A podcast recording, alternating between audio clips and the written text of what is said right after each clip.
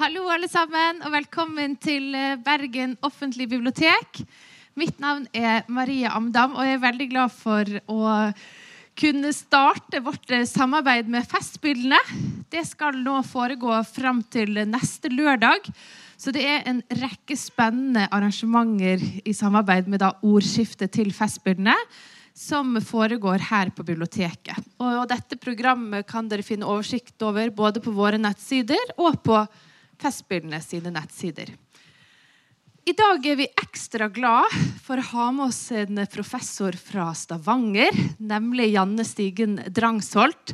Noen kjenner henne kanskje som skjønnlitterær forfatter, men også som forsker har hun jo gjort en formidabel formidlingsjobb med program med, med klassikere på fire minutter, hvor hun har brukt mye tid på å forkorte eh, kjente verk, sånn at vi vanlige folk skal kunne late som vi har lest dem. Men i dag så er hun her for å snakke om noe helt annet, eh, nemlig USA og Joan Didion. Hun skal ta oss med på en reise gjennom Joan Didions forfatterskap og drømmen om Amerika. Og vi gleder oss veldig til å høre henne prate. Så da syns jeg vi bare skal gi henne en varm applaus. Hei. Veldig, veldig kjekt å være her i dag. Jeg, jeg syns jo det er veldig rart å være Det er liksom ikke bare det at jeg er utenfor mitt eget hjem, men jeg er òg i en annen by, så det blir veldig mye å forholde seg til. men, men, det er veldig veldig gøy da, å se at det, det fins andre mennesker enn mine egne barn. Når jeg fikk denne henvendelsen om dette foredraget, så eh, jeg, hadde hadde jeg nettopp kjøpt eh, denne boka, som er eh, den siste utgivelsen til John Didion, som heter eh, 'Let me tell you what I mean'. Og det er jo eh, på en måte B-sidene eh, kan du si, som, som er utgitt i, i bokform. Eh, men så, så det, Alle er veldig sånn tydelige i anmeldelsen på at dette er ikke John Didion sine viktigste tekster. og Eh, hun skrev jo kanskje det aller viktigste på 1960-tallet uansett, så det er ikke så farlig. Eh, så, så jeg, eh, jeg, var litt sånn usikker på om jeg skulle på en måte skrive om, om Eller om jeg skulle snakke om John Didion i dag, eller om hun på en måte har utspilt sin rolle på et vis. Om, om, det er sånn at hun eh, skrev sine viktigste tekster om det amerikanske samfunnet på 60-tallet, og så skrev to ganske viktige tekster om sorg og sorgprosess eh, nå nylig. Og at alt innimellom er, er uinteressant. Så, så det, det, første jeg prøvde liksom å finne ut av, det var jo er John Didion fremdeles relevant? Kan hun fortelle noe til oss i dag? Eh, særlig eh, nå i dag hvor USA jo ser veldig rotete og kaotisk ut, og det er veldig vanskelig å forstå eh, hva som foregår, i hvert fall for meg. Og så det andre var liksom det andre jeg eh, prøvde å få til, var å lage et slags sånn narrativ. da. Altså Å prøve å lage et narrativ som ga mening til meg, og som forhåpentligvis òg kan gi en mening eh, for dere. Så, så, det er de to tingene som er, mitt utgangspunkt. Så nå blir det veldig spennende å se eh, eh om vi, klarer liksom å holde ut med hverandre i 45 minutter. Jeg har på meg eh, John Didion fan-T-shirt. Eh, så jeg er veldig klar for dette foredraget, men jeg har aldri holdt det før, så det, er veldig spennende. Eh, så John Didion og 'Drømmen om Amerika' har jeg kalt det. Det er en tittel eh, som jeg lagde fem minutter. Jeg har skifta tittel veldig mange ganger. Så det som jeg tenkte til å begynne med, det er jo liksom dette her med altså Når en skal snakke om USA, når en skal snakke om Amerika, så er jo det en, en veldig vanskelig oppgave. Eh, samtidig så er det jo sånn at det, grunnen til at vi har fortellinger i utgangspunktet, er jo for at vi skal eh, forstå ting, og, og, at vi skal lage en slags sånn orden eh, ut av eh, den kaotiske verdenen som omgir oss, og den kaotiske verdenen som er inni oss. Og Derfor er det jo sånn som eh, Salman Rushdie sier, at eh, når menneskene har fått tak i eh, et sted å bo, når de har fått tak i mat, så begynner de også å fortelle historier.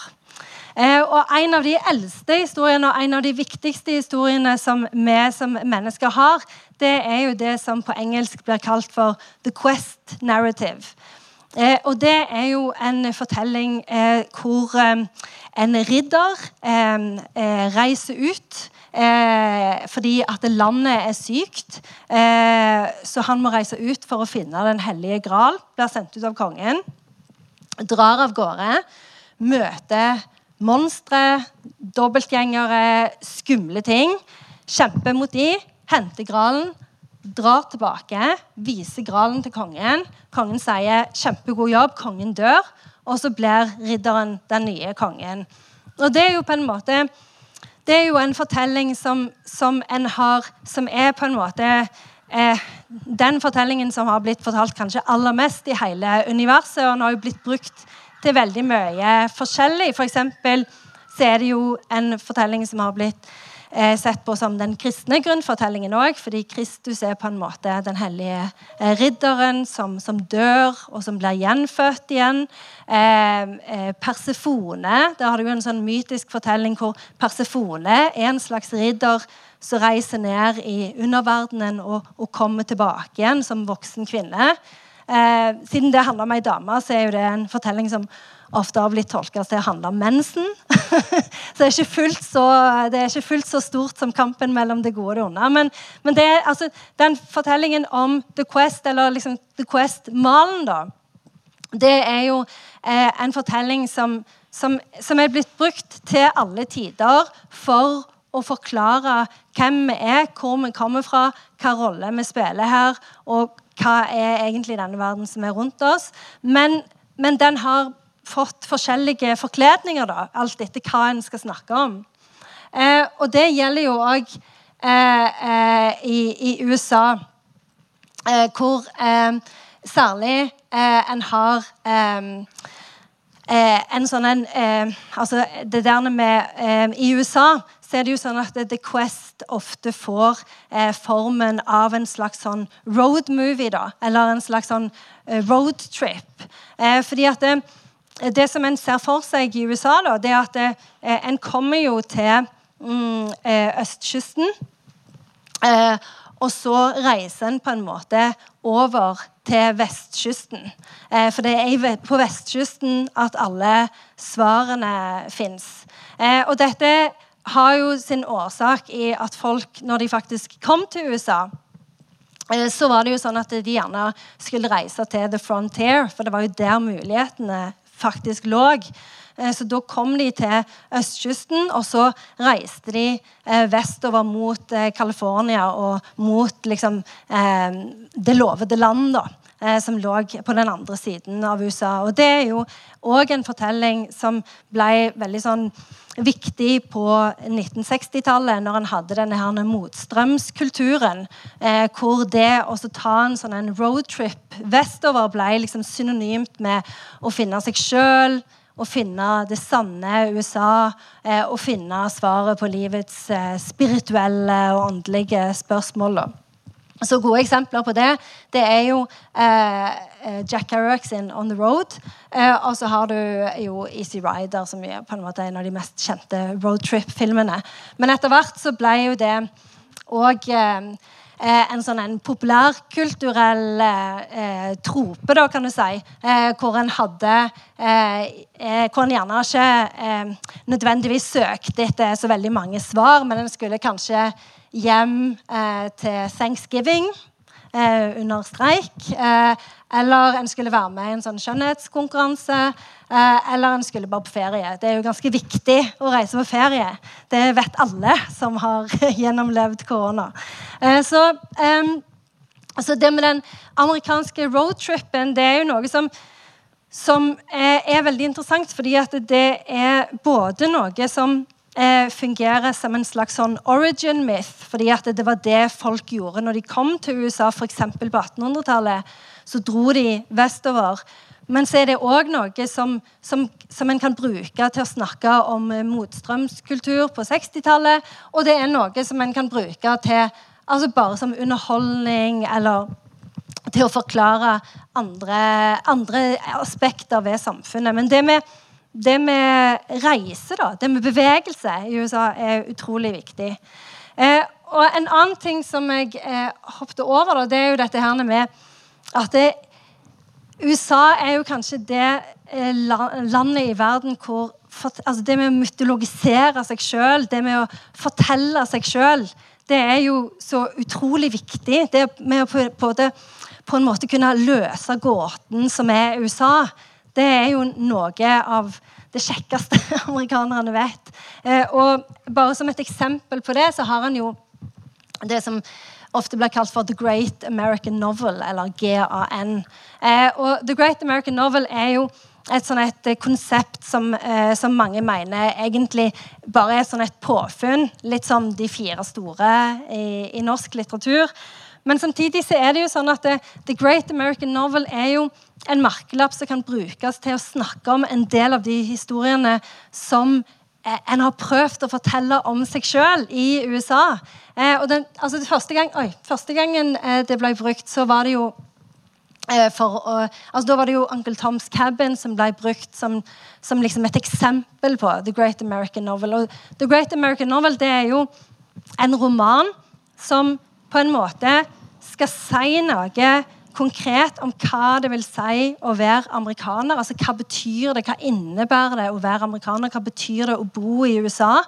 Og så skal det jo òg si noe ganske sånn konkret om sin egen samtid. Så det er jo Egentlig så er det jo um, altså Definisjonen på The Great American Novel er jo den samme definisjonen som en ofte bruker om litterære klassikere generelt. Da, at en både skal si noe veldig treffende om sin egen samtid, og at en skal klare å peke på mer sånn universelle ting. Men for amerikanerne så er de universelle tingene aller mest interessante hvis det handler om de sjøl. Altså hvis det handler om USA. Og Derfor er det jo sånn at en fremdeles snakker om eh, The Great American Novel i dag. Det er jo Stadig vekk så kommer det jo ut nye bøker som en peker på som liksom dette er et eksempel på The Great American Novel, med forfattere som Jonathan Franzen eller Don DeLillo og Cormac McCarthy f.eks. Eh, og ofte er det jo Moby Dick som, som blir trukket fram, eller eh, To Kill a Mockingbird, som jeg tok med fordi det er en av de få eh, bøkene som er skrevet om kvinner, så, eller av kvinner som blir um, trukket fram som The Great American Novel. Sannsynligvis fordi Harper Lee høres ut som en mann. Men det trenger vi ikke snakke om nå. Eh, det som òg er interessant, er at det i, i, i nyere tid uh, så har jo òg uh, dette med altså Dette er jo òg ei bok som mange har snakket om som The Great American Novel, og det er jo òg ei bok som, som handler om uh, The Road Trip. da. men Eh, Cormac McCarthy sin bok 'The Road' den er jo veldig interessant. fordi det er jo en bok som, altså Vanligvis så går jo denne reisen, da, eller den roadtrippen, den skal jo gå fra øst til vest. Eh, med, for å finne på en måte det sanne USA, eller for å finne gull, for å overleve, for å, for å liksom klare å skape et godt liv. Um, um, men i Cormac McCarthy uh, sin roman så er vi jo i en sånn dystopisk framtid hvor hele verden har brunnet opp, og hvor USA er fullt av sånn eh, kannibalistiske gjenger. da. Og her er det jo ikke sånn at reisen lenger går fra øst til vest, den går fra nord til sør. Og målet er ikke å lage seg et godt liv, målet er bare å overleve.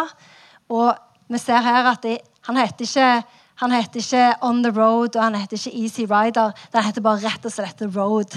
Så her ser vi jo at det, vi har å gjøre med et Hvis denne handler om USA, da, hvis dette er eh, The Great American Novel, så har vi å gjøre med et USA i dyp eh, krise. Eh, og en annen ting som er interessant, det er jo at eh, John Didion begynner jo på mange måter her.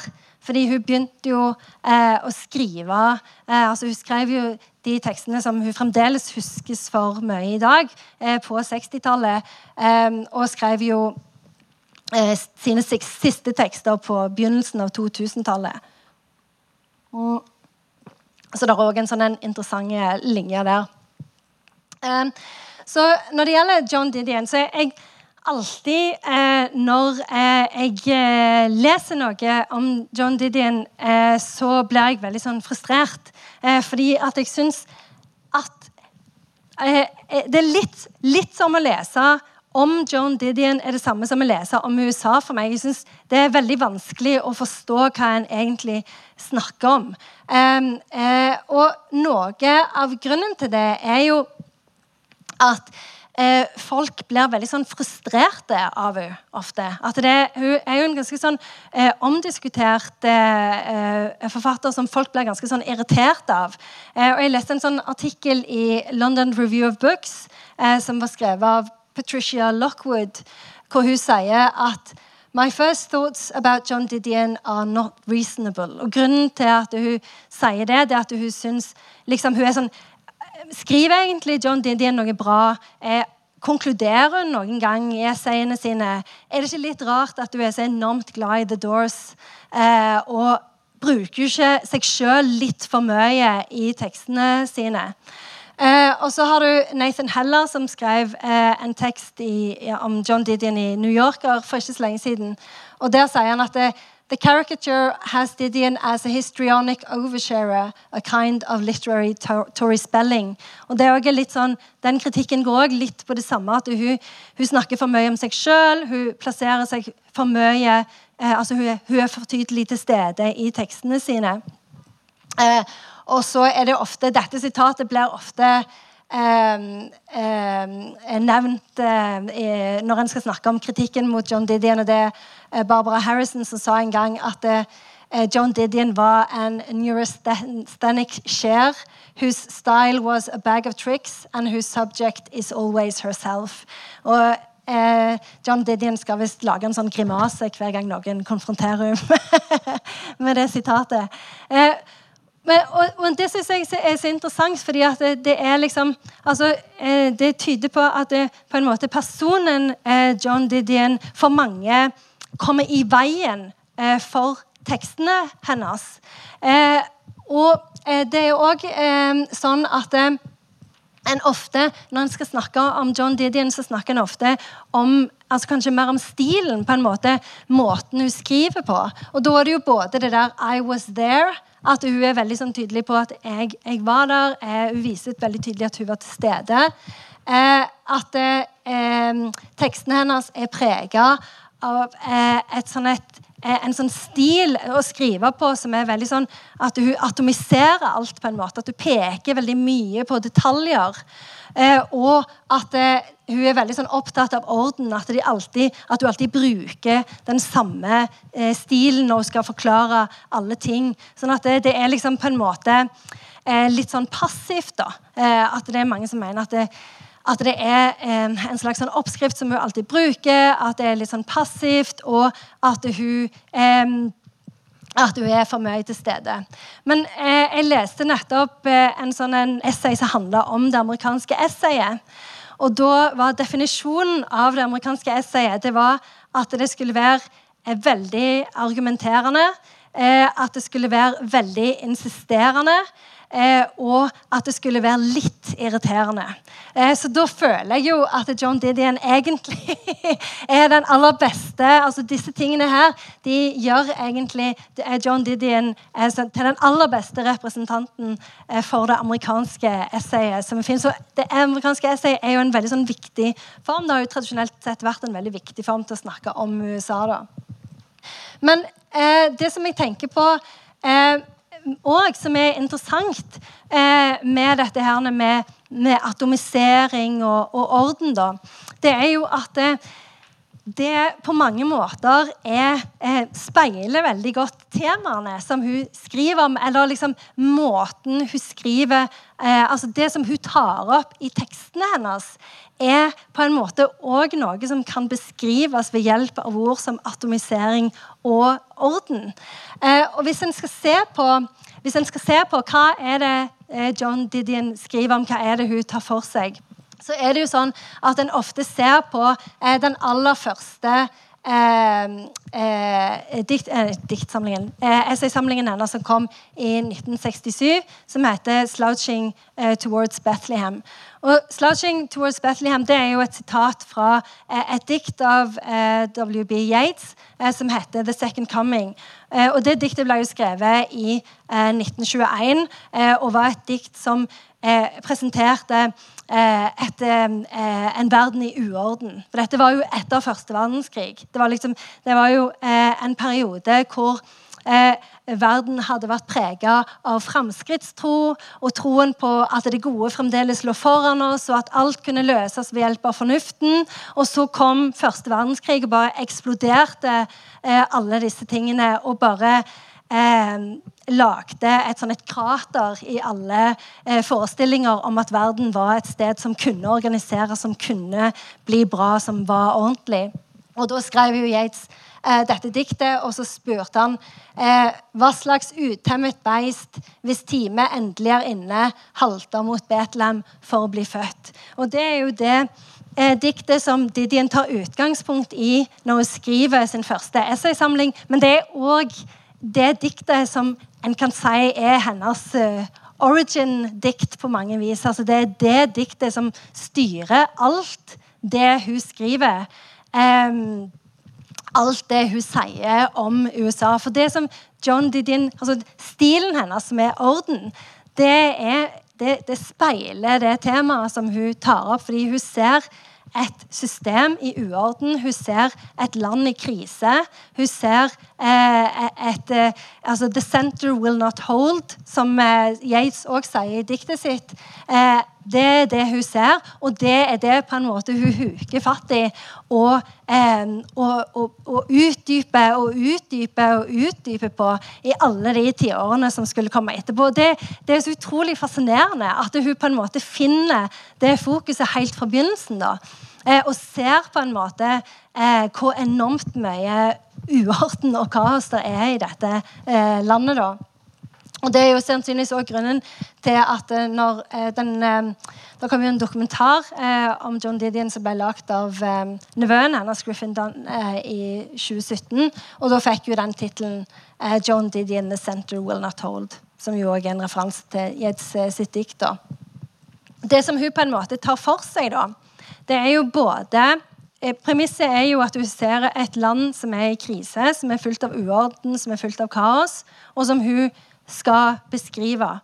Men, men det som hun egentlig griper fatt i, da, er eh, eh, narrativ. Altså selve historien. Altså de, alle disse her historiene som, som, USA forteller om seg sjøl for å forstå seg sjøl, for å forstå hverandre, for å forstå eh, eh for, for, for, å orke å leve, på en måte. Det er det hun tar utgangspunkt i i tekstene sine. Så Det er jo derfor den, eh, denne her, det er en sånn samling. da. Den heter jo 'We tell ourselves stories in order to live'. Eh, og det er jo det på en måte som er eh, Didien sitt premiss. da. Alle disse fortellingene som vi bruker for å orke å leve, eh, eh, sett i kontrast med alle de historiene som faktisk forklarer verden hvordan den er. Og For huset er det på en måte nøkkelen til en del av de problemene som USA har.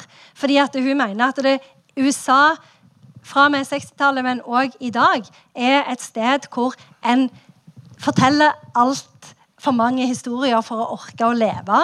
Og en forteller altfor få historier som faktisk forklarer hvordan ting er. Eh, og det er det som er hennes det er det som er hennes eh, raison d'être. Det er derfor hun skriver, for å forklare eh, hvordan ting egentlig er. Og det, det er det som jeg bare syns er så utrolig interessant med tekstene hennes. Og det er det som gjør de så utrolig interessante for å forstå USA i dag òg, da. Eh, og det er en av de tingene som hun, som hun ofte snakker om, da, som, som hun ser et, som et, sånn et stort problem eh, i USA det er eh, eh f.eks. Eh, det der eh, narrativet som politikerne har brukt helt siden 80-tallet. Eh, I 1988 så fulgte hun eh, presidentkandidaturene. og da sa hun at hun mente at de som drev med politikk, de og de som, ikke bare politikerne, men alle de som var knyttet opp mot politikken og valgkampen, på et eller annet vis, de snakket bare til hverandre. Det var ingen som lenger var interessert i å snakke til folket eller å opprette noen sånn dialog med folket. Var, de snakket bare til hverandre i den der sirkelen. Eh, og hun sa at det liksom The narrative of public life, kalte hun det.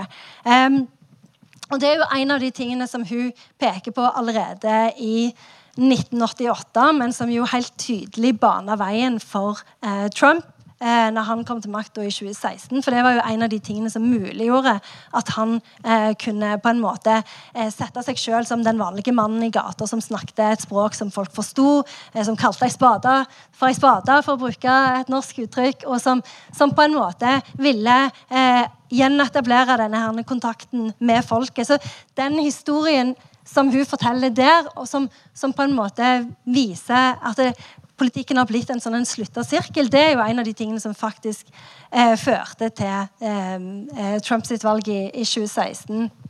Eh, og så er hun òg veldig opptatt av det er En annen ting som hun syns er veldig skadelig da, i det amerikanske samfunnet, det er jo det som hun kaller for sentimentalisering. At hun mener at, det, eh, at USA hele tida lager sånne fortellinger som gjør at det er mulig eh, å altså som, som gjør f.eks. at det er mulig å leve i New York. da. Så nå er jeg veldig opptatt av at New York er en sånn en by som i alle år, da, altså siden 60-tallet, bare har fortrengt sine egne problemer eh, og har bare hele, hele tida kjerna videre på en sånn en historie om at jo, New York er en by hvor, som vi som bor i New York, vi elsker den byen fordi den passer oss. Så alt, alt det som har skjedd i, i, New York, blir liksom tatt inn i den der fortellingen eh, som, som, handler om eh, at New York er liksom det, det, det stedet som vi hører hjemme. Det er den identiteten vi har. Og hun har jo skrevet et helt sånn fantastisk eh, essay om eh, The Central Park eh, Five-saken, som jo eh, var en sånn en voldtektssak. Det var jo en sånn ei, ei unge dame som jobbet på Wall Street, som ble overfalt. og eh, voldtatt og nesten drept i Central Park. Eh, og det førte jo til at eh, fem gutter med latino, altså, latinogutter ble arrestert og dømt for dette mordet uten at det var de som hadde gjort det. Og I det essayet så ser John Didion veldig nøye på alle de forskjellige aspektene ved denne saken. Både det som gjorde det mulig å dømme disse guttene men òg hva slags fortelling er det egentlig som blir skapt i pressen? Hva er det egentlig eh, vi sitter igjen med etter å ha sett på hele denne saken? Hva slags fortelling er det vi sitter igjen med? Eh, og For hun så var på en måte målet, eller det som var utfallet av hele den saken var ikke at en tok tak i eh, diskriminering i, i eh, domssystemet, eller noe sånt, men det som en satt igjen med, var eh, innsikten i at det, eh, vi som bor i New York, vi elsker New York. Og Det er det hun, som hun kaller eh, sånn et sentimentaliseringsnarrativ, da, som hun ser på som, som veldig farlig. Men eh, en av de tekstene som jeg syns er aller mest eh, interessant eh, av Didion, det er en tekst som ikke blir så veldig mye lest, men som òg eh, fins i denne samlingen. og det er et essay som heter 'Where I Was From'. Eh, og Det er eh, et essay hvor, som ble skrevet i 2003, så det er jo ikke sånn kjempegammelt. hvor John Didion prøver å forklare California på en måte. altså Hun prøver å gi, gi mening av det stedet hun kom fra. Eh, og da er det jo veldig interessant, fordi eh, det som hun tar utgangspunkt i da, for å forstå på en måte sitt eget sted, for å forstå hennes egen relasjon til stedet, det er jo eh, The Crossing, som hun kaller det. Som jo er nettopp denne roadtrippen, da, selv om det var ikke en roadtrip når du reiser for å overleve, men det er jo den turen fra øst til vest for å på en måte lage seg et nytt liv i California. Og det som hun sier da om eh, denne The Crossing For det, The Crossing er jo på en måte altså Når en er i USA, så har jo folk eh, så er det jo ofte sånn Du treffer liksom folk så er liksom, eh, de sånn 'Å, hvor er du fra?' Så sier du gjerne Norge. Og så er de sånn 'Oh, I'm Norwegian too'. Og så liksom sånn 'Å, er du?' Så liksom, ja, eller jeg tror liksom at eh, jeg har noen slektninger i Norge. Sant? Det er liksom ikke noe sånn Det er på en måte når de flytta til USA, så la de jo så enormt mye bak seg. Sant? Det er jo de færreste som beholdt kontakten med slektningene sine i, i Norge. Eh, det er jo derfor vi kan ha sånn reality-show hvor de på en måte kommer tilbake og prøver å etablere eh, en slags kontakt. da. Eh, sånn at det, at det, begynner på en måte eh, altså For Didien så mener jo hun at det, hele den der The Crossing-historien den begynner med en slags død. da. At det er en slags sånn redemptive journey, hvor du på en måte legger fra deg alt det som du var, alt det som du, alle de båndene som du hadde, og så dør du på en måte underveis, for så å bli født på ny eh, i California. Og det er en sånn en fortelling som hun sier, som alle alle i California tar del i den historien på et eller annet vis. Det er det som er deres origin story. da. Eh, og det er jo så utrolig eh, interessant, fordi det viser jo på en måte hvordan du Altså, det, det, ting begynner ikke med at du blir født, men det begynner med at du blir gjenfødt i USA. Du blir gjenfødt som en del av denne her umenneskelig harde reisen da, gjennom, eh, fjell, over fjellene og gjennom ørkenen, og så til slutt i dette her sumpområdet som var eh, California. Eh, og I den teksten så siterer hun ganske mange sånn dagbøker, og sånn, og da er det jo veldig sånn tydelig at folk, folk holder veldig fast på den historien gjennom denne reisen. Det er det som på en måte gjør at de klarer å gjennomføre, og det er det som klar, gjør at de klarer å, å, å, ha, å fortsette å leve med seg sjøl etterpå. da. For Didien sin egen del da, så, så bunner hele teksten i en sånn en, eh, tekst som hun sjøl skrev når hun gikk på skolen eh, i 1948. Eh, hvor, hun, hvor, hun, skriver dette. Hun skriver Those who came to California were not the self-satisfied, happy and content people, but the adventurous. They didn't come west for homes and security, but for adventure and money. Så det er liksom en sånn en, eh, det, Noe av det som hun egentlig prøver å finne ut, da, det er altså, i hva stor grad eh, stemte det? Altså, hvorfor, hvorfor, kom folk til, til California? Hvem var disse menneskene? Og, og hva, hva, var denne reisen? Altså, hva besto den egentlig av? Hun prøver å finne fram til the point of California. Fordi at det, Når hun leser om denne reisen, når hun leser om alle disse fortellingene, så er det liksom som det er et, sånn et slags forsvinningspunkt. Det er liksom noe som ikke gir mening. Det er noe som hun ikke klarer å sette helt fingeren på. For dette, dette her narrativet er på en måte noe som de forteller seg sjøl. Og, og, også, Hun peker jo også på forskjellige typer narrativ som, som fremdeles fins i California den dag i dag, som stammer fra denne her, The Crossing-reisen. For, eksempel dette her med at de var eh, selvforsynende, og at de eh, reiste dit for å klare seg sjøl og for å gjøre lykken. Så, og det er jo noe som mora hennes alltid sa, og som folk er veldig opptatt av i det California som hun kjenner. Men samtidig så er det jo sånn at eh, California er den staten som er aller mest avhengig av penger fra staten. Så for I California så har de satsa på f.eks. å dyrke en type ris som ingen amerikanere vil ha, som de bare vil ha i Japan og Korea. Samtidig som Japan og Korea har sånn eh, altså De tar jo ikke inn, importerer jo ikke ris fra USA. Eh, de eh, produserer alfa-alfa, som krever enormt mye vann. Og de produserer bomull, som også krever enormt mye vann. Så de har egentlig en slags sånn type Mye av jordbruket i California er jo avhengig av at de får penger fra, fra staten. da. Så en har liksom dette synet på at en er uavhengig, og at en klarer seg sjøl. Samtidig som en, hvis du ser på faktaene, så er en jo ikke det. Altså, En er jo ikke uavhengig i det hele tatt. Grunnen til dette er noe som, som John Didion finner i denne her, The Crossing. da. Eh, og stiller veldig mange spørsmål ved f.eks. Eh, når kan en på en måte eh, altså Hva blir svaret på spørsmålet hvorfor og eh, altså Hvorfor reiste vi? Hva var kostnaden med å reise? Og eh, fant vi liksom den frelsen som vi lette etter? Eh, og det er jo et spørsmål som ingen ønsker å stille. Altså, de, Fortellingen kan ikke gå så langt. Fortellingen må, må stoppe eh, før en kommer til det, til det, stedet.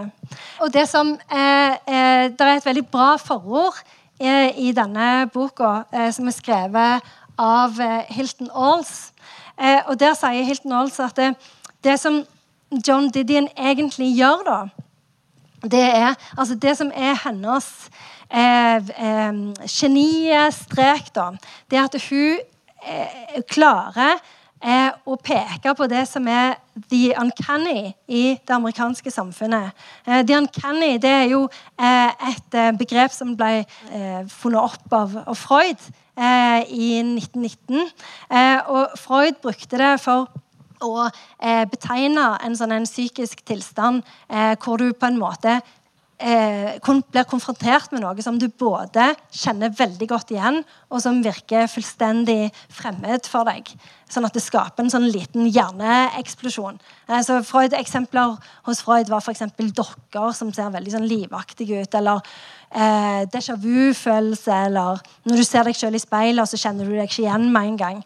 Eh, det er liksom eksempler på the uncanny.